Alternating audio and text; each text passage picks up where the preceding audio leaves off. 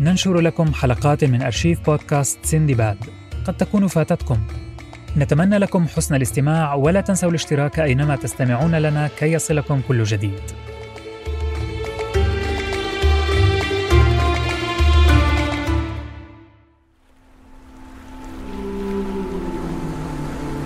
القدر. جمعني بكم من جديد أيها البشر. مغامراتكم أتت بكم إلى سطحي. لستم الأوائل. لا قد أتاني هو من قبلكم. أتعرفون عن السندباد شيئا؟ هم لعلي أخبركم إحدى حكاياته.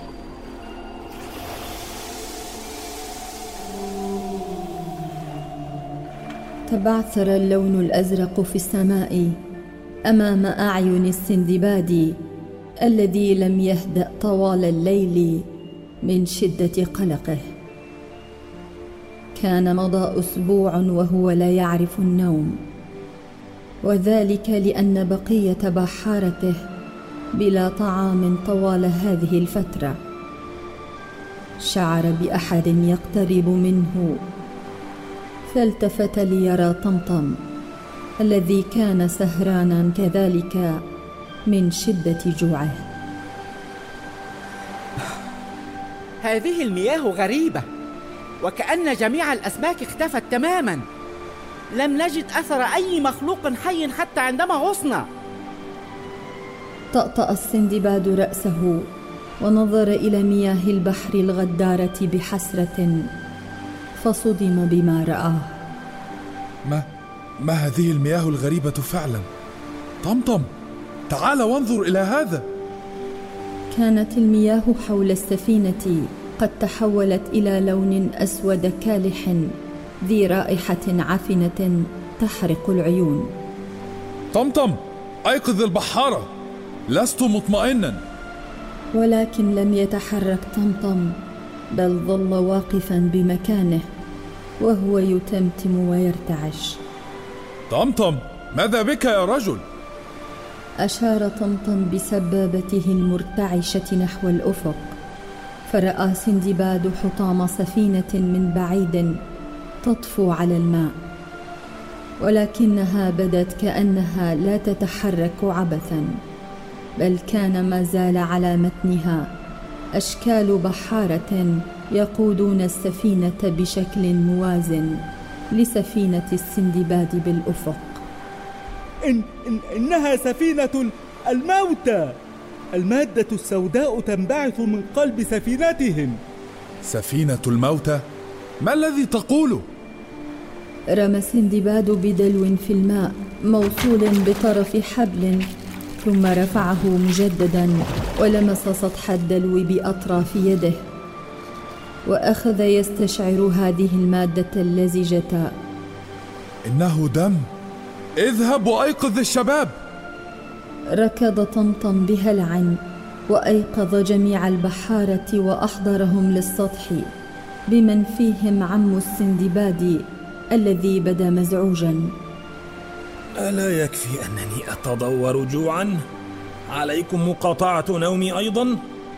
عمي انظر في الأفق تلك السفينة ليست طبيعية أي سفينة؟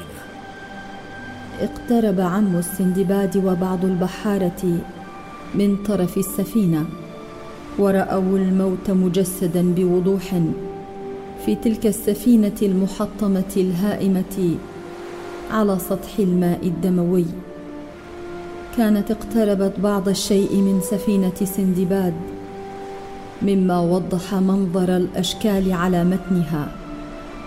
كان بحارتها شاحب اللون أحشاؤهم مجوفة وأطرافهم بارزة العظام. لم أكن أصدق أن سفينة الموتى حقيقية. ظننت أن سفينة الموتى مجرد أسطورة. ليست أسطورة واسمها ليس سفينة الموتى. إنها الهولندي الطائر. سفينة ديفي جونز. السفينة الملعونة. د د ديفي جونز؟ أهو شبح مثل باقي البحارة؟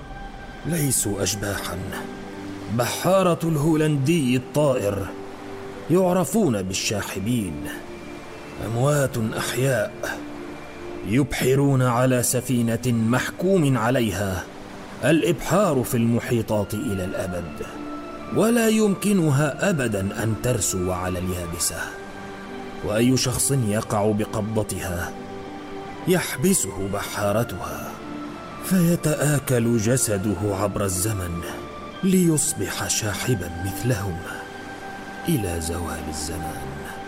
لا يبدون مكترثين بشأننا يا سندباد. علينا أن نبتعد عن السفينة. نعم علينا أن نعود أدراجنا إلى مراكزكم يا شباب. فورا علينا تغيير مسار السفينة. لا سندباد اسمعني. الهولندي الطائر سفينة مليئة بالكنوز النادرة التي تراكمت عبر العقود. يمكننا التسلل على متنها ونهب غنائم ستجعلنا كلنا أثرياء. ماذا؟ هل جننت يا عم؟ اقترب عم سندباد من ابن أخيه وأمسك بكتفيه. أعلم أنك ترى الفرصة الذهبية التي أمامنا يا سندباد.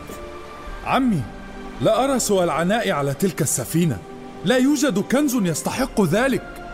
أين ذهب إحساسك بالمغامرة؟ منذ متى وأنت جبان؟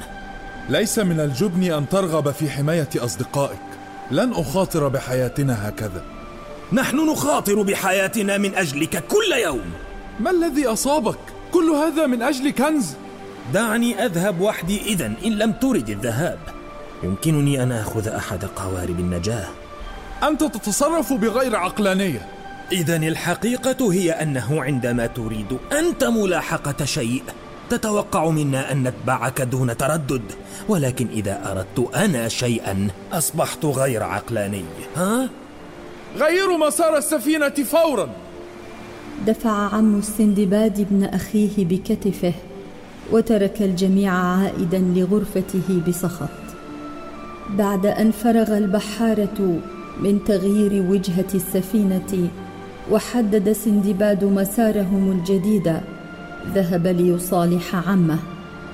ولكن عندما دخل غرفته لم يجده نظر سندباد إلى ستارة شباك الغرفة التي كانت تتحرك بفعل الهواء. فاقترب منها ليجد حبلا ينسدل إلى سطح الماء تراجع بحيرة ثم أسرع إلى السطح باستنفار. هل وبخك عمك مجددا؟ وجهك مصفر؟ لقد هرب. ماذا؟ ركض سندباد باتجاه قوارب النجاة فوجد أحدها مفقودا. لقد فعلها المجنون. علي أن ألحق به. سندباد لا يمكنك الذهاب. سيمسكون بك. لا تقلق. سأعود. سأجلب عمي المجنون وأعود به. أخذ يجدف بالمياه الملطخة بالدماء. نحو السفينة الملعونة.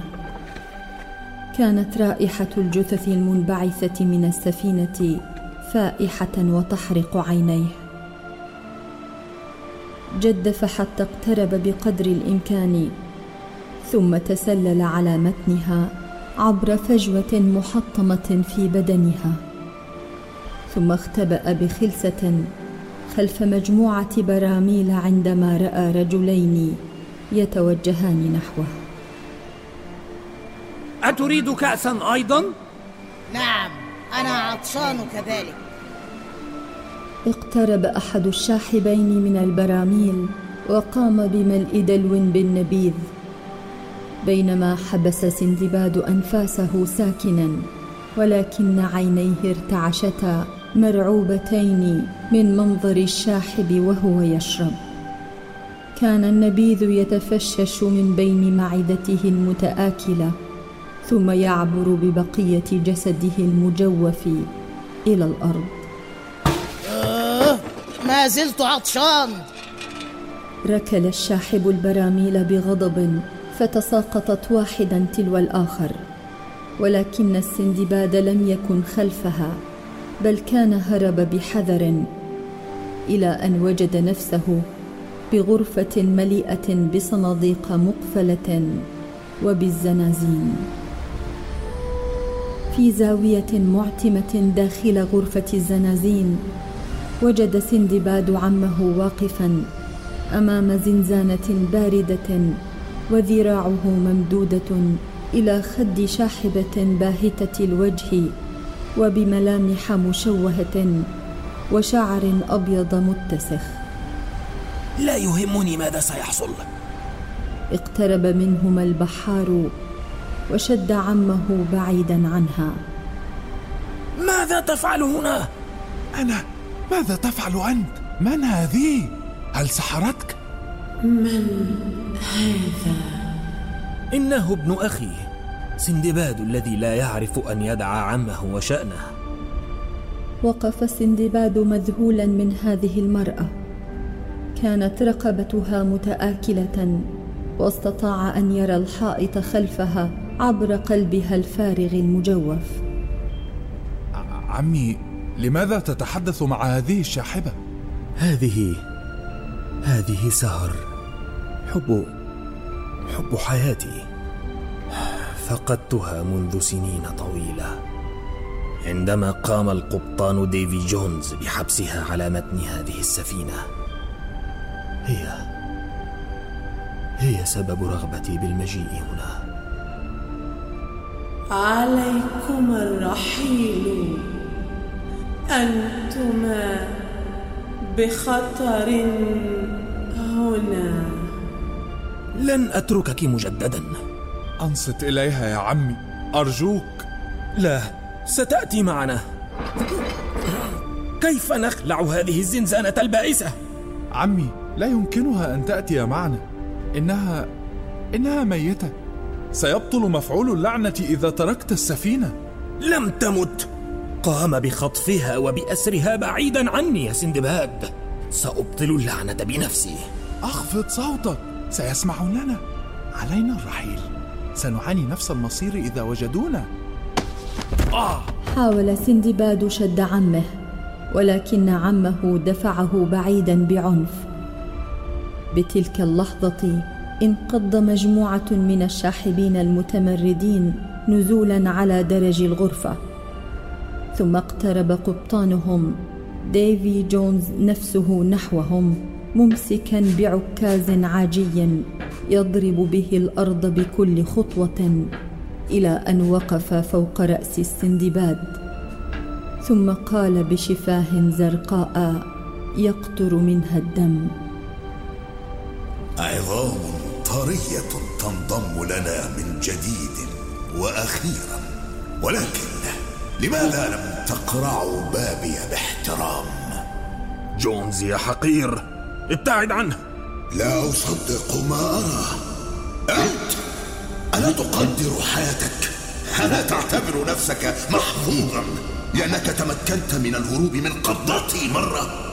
أتظن فعلا أنك ستفلت مني مرة أخرى. بل أعتبر نفسي محظوظا إذ سنحت لي فرصة أخرى للقضاء عليك. ما هذه الغيرة والشغف؟ ما زلت تحبها. انظر إلى مكان قلبها يا عاشق. لم تعد قادرة على الحب. الآن يا سندباد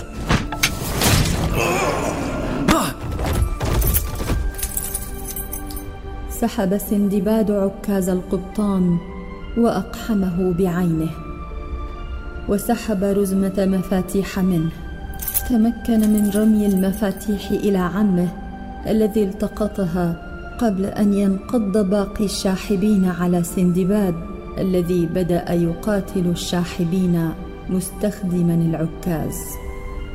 ضمن الفوضى أسرع عم السندباد بفتح زنزانة سهر بخفة. لن تبقي هنا للأبد. هيا!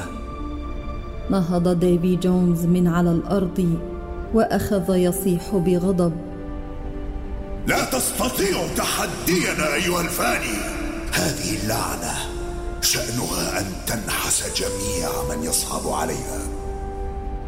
بدأت أعداد الشاحبين الذين لا يموتون تغمر وتسحق السندباد الذي كان ما زال يحاول قتالهم. في طرف الغرفة شاهد عم سندباد مكافحة ابن أخيه فقال لسهر بقلق. علينا مساعدته. الصناديق افتحها أسرع عم سندباد إلى أقرب صندوق له وبزمجرة جهد. فتح غطاءه ليجد الصندوق مليئا بعلب متفجرات ديناميت. أمسك ببعض المتفجرات ثم صاح وهو يرميها لابن أخيه. سندباد! امسك! متفجرات! نحست حالك يا جونز!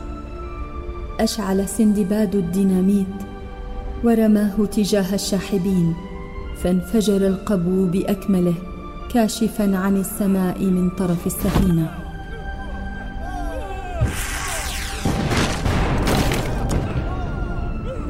هرب عم السندباد وسهر عبر الفجوة التي أحدثها الانفجار.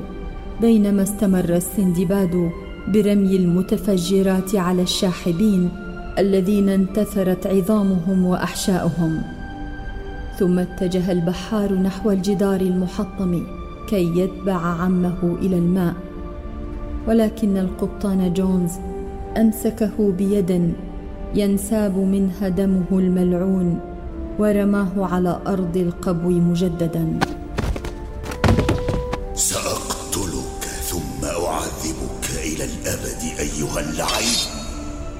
سحب القبطان سيفا احتواه داخل قفصه الصدري المكشوف. ثم حاول شطر عنق السندباد ولكن السندباد صد ضربته بالعكاز وأخذ يتحارب معه فوق العظام المتراكمه إلى أن تمكن جونز من غرز السيف بكتفه. استعد الموت. ما لكم السندباد القبطان بتهور بمعدته المجوفة.